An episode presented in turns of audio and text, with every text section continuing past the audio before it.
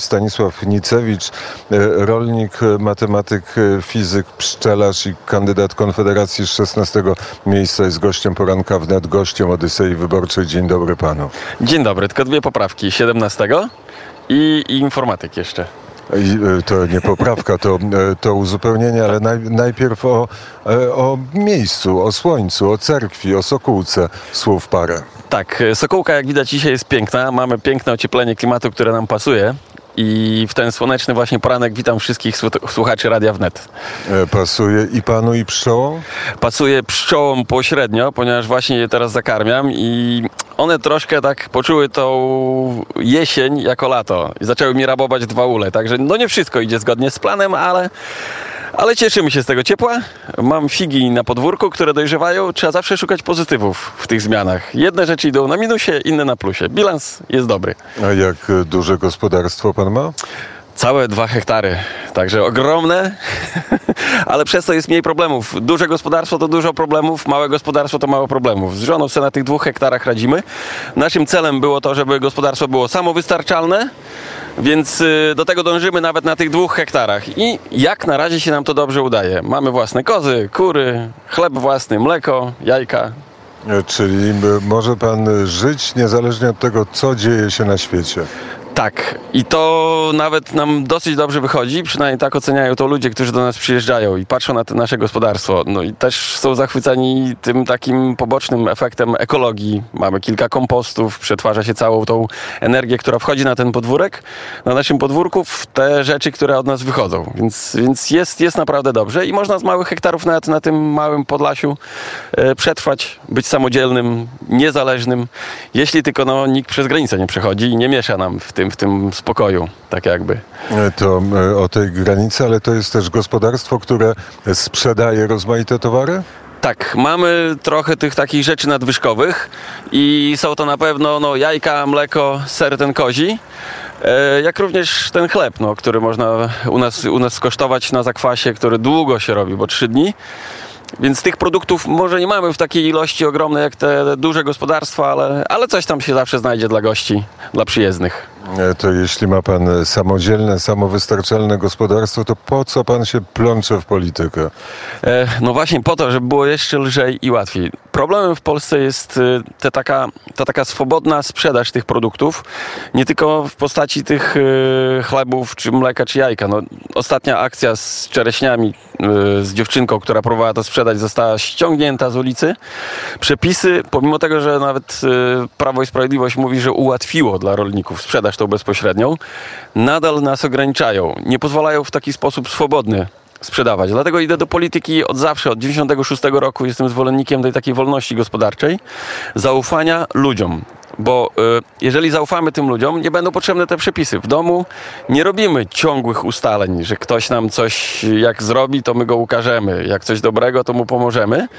I dobrze żyjemy w tej rodzinie. Takim zwykłym, domowym e, ogródku, można by powiedzieć, radzimy sobie bez nadmiaru tych przepisów i urzędników. To dlaczego nie możemy tego robić w naszym codziennym życiu między ludźmi? Moim zdaniem da się to zrobić, zmniejszając tę ilość przepisów. Będzie można łatwiej coś sprzedawać. Klasa średnia będzie mogła wyskoczyć trochę wyżej, bo w tym momencie my mamy właśnie problem z tym przeskokiem klasy średniej trochę wyżej. Dlaczego? Bo te przepisy, ograniczenia urzędnicze nie pozwalają na ten rozwój, taki swobodny. No ale gdzie by pan przeskoczył z tymi dwoma hektarami? Ja bym nie musiał, ale mam wielu znajomych, którzy tego oczekują właśnie od państwa, żeby w końcu się odczepiło od y, tego wszystkiego, czego wymaga każdego dnia przy robieniu czegokolwiek. W ogóle mm, świat cyfrowy mamy teraz przecież, co nie? Internet, wszystko się szybko y, jako informacja przemieszcza, a idąc do urzędu, często musimy między jednym budynkiem a drugim robić zagłębia pocztowego. Pomimo, pomimo ePUAP-u, dane, które mają na komputerze urzędnicy, drukują nam na kartce. My z tą kartką udajemy się do następnego miejsca, w którym coś udowadniamy, że właśnie mam dwa hektary, a nie cztery. Że z tego mam dochód taki według wyliczeń, a nie jakiś inny. I y, czy to jest nam potrzebne? Trzeba sobie zadać pytanie. Te wszystkie nadmiarowe, biurokratyczne elementy, które zajmują nam czas. Przecież taka osoba, która idzie do urzędu, zajmuje ileś sobie czasu tego w ciągu dnia i zamiast coś produkować, tak jak ja na przykład, zająć się tymi warzywami, zwierzętami, muszę spędzić jakiś czas zawsze w tym urzędzie. Dlatego ja chcę to jakby zmniejszyć, zlikwidować to, co jest nadwyżkowe. Ale oczywiście musi pan przyznać, że pod tym względem jest e, dużo lepiej. Dużo spraw możemy załatwić, może pan załatwić siedząc e, u siebie w domu na ganku z komputerem. Tak, próbuję załatwiać cyfrowo większość rzeczy. I agencyjne na przykład do Agencji Restrukturyzacji i Modernizacji rzeczywiście już się wszystko załatwia przez internet.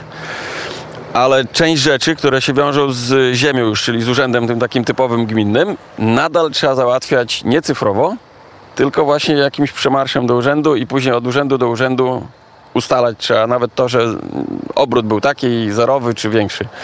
To jest, to jest takie niepotrzebne.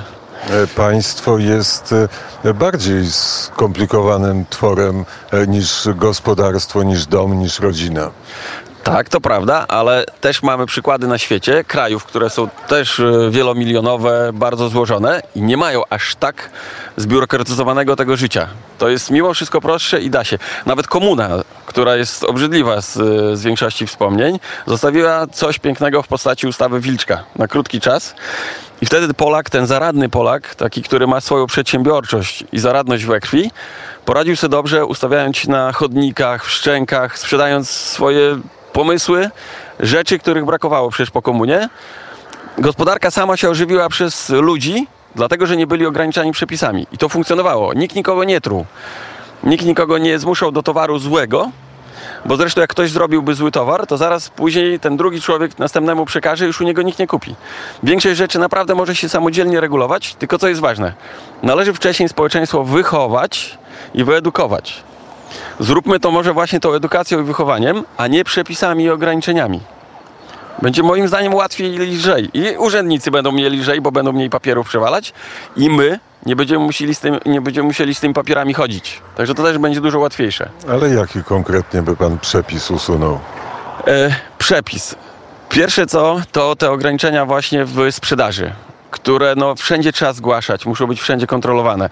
Druga rzecz, to najgorsza, która u nas jest, to jest kara za pracę, czyli podatek dochodowy.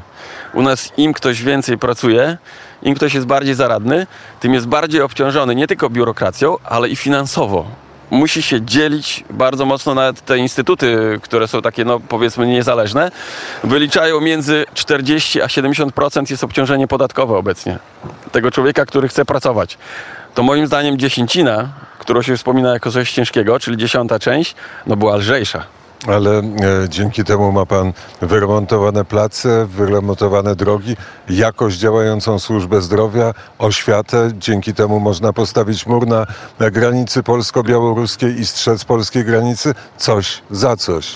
Tylko to są koszty. Nasz urząd marszałkowski w Białymstoku swego czasu na szybko tak liczyłem.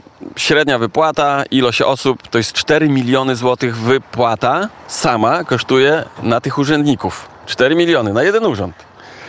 Który E, zajmuje się. Proponuję, zaraz pan dokończy, proponuję, żebyśmy e, poszli w kierunku e, świateł. Może się uda z kimś e, porozmawiać. Można będzie próbować łapać, no teraz idą, idą ludzie do pracy, ale właśnie te miliony na tych urzędników można by było przeznaczyć na te rzeczy, właśnie ten asfalt.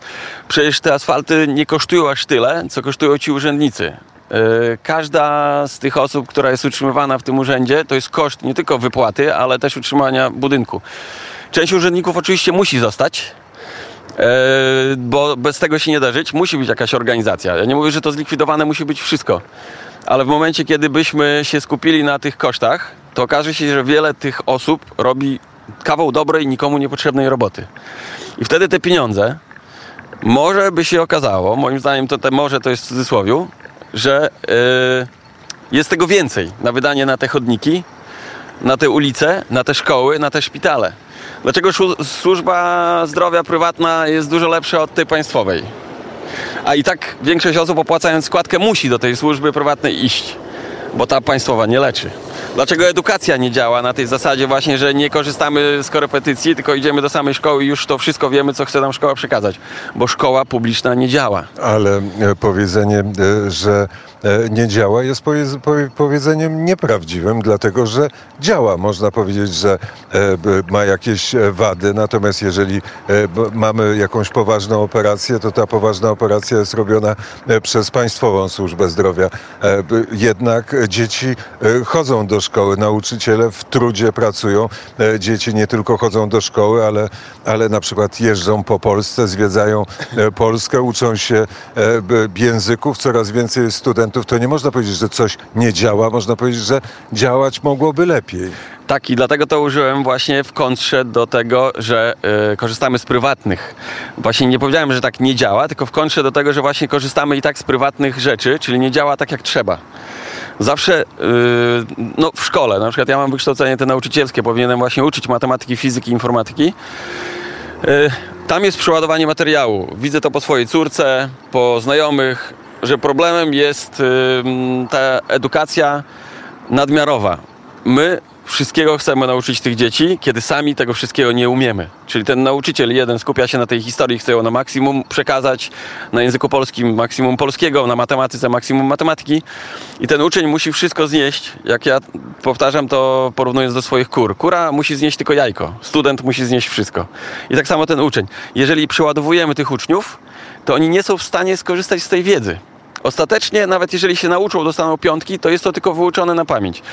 Medycyna tak samo. No, jest przeładowanie tej, te, te, tego szpitala każdego e, publicznego, a w prywatnym nie są przeładowane. Chcemy zrobić jakieś badanie, bo zazwyczaj jest to kilka dni, a tu Bo, oczekiwanie pół roku. bo często wybierają te, wybierają te badania, które się opłaca robić i dlatego lepiej działają, a i lepiej działają dlatego, że jest e, państwowa służba e, zdrowia i dlatego mogą prywatne kliniki działać Tak. e, lepiej, bo mają wybranych pacjentów. Ale dobrze, to pan dał ten przykład szkoły lecznictwa, to, a ja dałem przykład armii Tak. i muru na granicy polsko-białoruskiej. I tu nie będę protestował, ponieważ my jako Konfederacja, no i te wcześniejsze ugrupowania, które były wolnościowe, w których byłem od 96, zawsze powtarzaliśmy, że największe pieniądze powinny iść właśnie na to, żeby czuć się bezpiecznie, czyli mundurowe służby. Policja, wojsko musi być naprawdę dobrze doto- dotowane.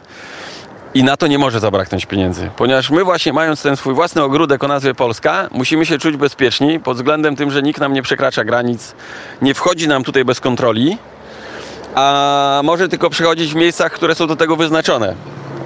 I od tego właśnie jest ta policja, straż graniczna i wojsko. Na to bym nie żałował pieniędzy.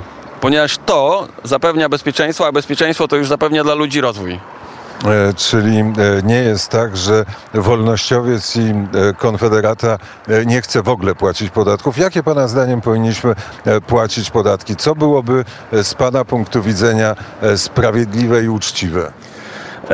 Podatek, który jest na pewno nierosnący w momencie, kiedy rosną moje dochody. Czyli nie ma takiej opcji i zgody na to, co proponuje Lewica, bo oni tam chyba oszaleli i proponują 75%, nawet w niektórych e, wywiadach się zdarzało, że tam można było słyszeć. Nawet chyba w którymś programie ich można było w punktach to znaleźć.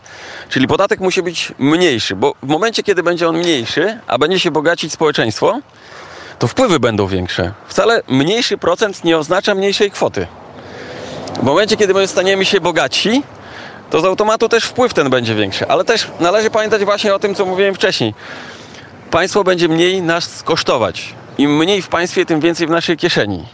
Ludzie też bogaci wcale nie żałują pieniędzy na ludzi biednych, czyli tam, gdzie będzie potrzeba, żeby komuś pomóc, bo to jest najczęściej nam zarzucane, że ktoś będzie umierał pod płotem, że będzie ta bieda niedotowana. Świecie, który jest normalny, nie opłaca się być biednym też. Zawsze ktoś będzie, ale nie opłaca się być biednym i wtedy też bogatsze społeczeństwo będzie częściej pomagać. Tym się bardzo dobrze zajmują też kobiety. Kobieta wie i ma serce do tego i wie komu pomóc tak naprawdę, bo u nas teraz się pomaga hurtowo. I jak to wychodzi, to widzimy. Nie zawsze to dobrze działa. E, Mam wrażenie, że ma Pan idealny e, obraz e, świata. O Unię Europejską nie będę pytał, bo myślę, że znam, że znam odpowiedź, że Konfederata mówi Unii nie. Y, tak, ale Konfederata też umie rozdzielić strefę Schengen, czyli wolny przepływ ludzi i towarów, od Unii Europejskiej, która obecnie idzie w kierunku czegoś strasznego. To jest zamordyzm w strasznej, w strasznej wersji i część osób sobie z tego zdaje sprawę. No, nas się wrzuca do jednego worka, że przeciwko Unii jesteśmy i to jest właśnie błąd, bo to nie chodzi o to, żeby być przeciwnym Unii jako całości. Tylko my, Unia jest fajnym bardzo pomysłem. Tylko nie można iść w zamordyzm, w takie kreowanie świata właśnie na przykład w kierunku Niemiec, Francji. No przecież ile przykładów w historii było tego wykorzystania małego kraju naszego w środku Europy, Polski, przez wszystkie kraje dookoła. Anglia jak działała? Anglia zawsze, jak Francja rosła w siłę, to yy, starała się, żeby silniejsze były Niemcy. Jak Niemcy rosły w siłę, to Francję albo Rosję. I w ten sposób Unia działa do dzisiaj, tylko bardziej yy, sprawniej to idzie ze względu na tą cyfryzację właśnie. I te takie sprzedawanie rzeczy, które niby są z pozoru dla nas dobre, czyli te dofinansowania wszelkie. Jak się spojrzy na bilans, no kto daje coś za darmo? Nikt. I to były słowa siedemnastki z listy Konfederacji matematyk, fizyk, informatyk, rolnik, właściciel dwóch hektarów, żony i dwójki dzieci? Tu znowu poprawię, nie jestem właścicielem mojej żony. Moja żona prędzej jest właścicielem i ona posiada mnie, bo kobieta rządzi. Kobieta rządzi, ona kręci tą głową, to jest ta szyja, która ma więcej do gadania, także akurat tutaj bym nie powiedział w tą stronę. I ma, ma pan absolutną, absolutną rację, a, rację, a i, i, ile dzieci pan? Córkę, jedną. My dobrze się w domu dogadujemy, mamy naprawdę coś przeciwnego niż się mówi o konfederatach.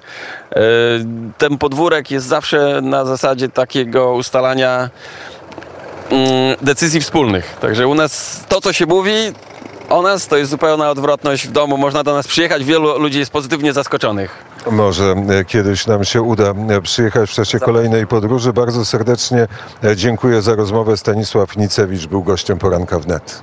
Bardzo dziękuję. A na koniec, jeżeli jeszcze mogę przedłużyć dosłownie, bardzo fajna osoba jest Karpiński, informatyk, który za komuny poszedł hodować świnie i o nim radzę poczytać. Prześcignął o półtorej roku Japończyków w wynalezieniu na przykład skanera ręcznego, a w komputerach to jest bardzo dużo. Zmarnowaliśmy wiele dobrych postaci w Polsce, wyganiając ich na obrzeża. To taki Karpiński, to ja hoduję kozy, a on hodował świnie. Można sobie poczytać. Słuchaczom polecam, polecam bardzo.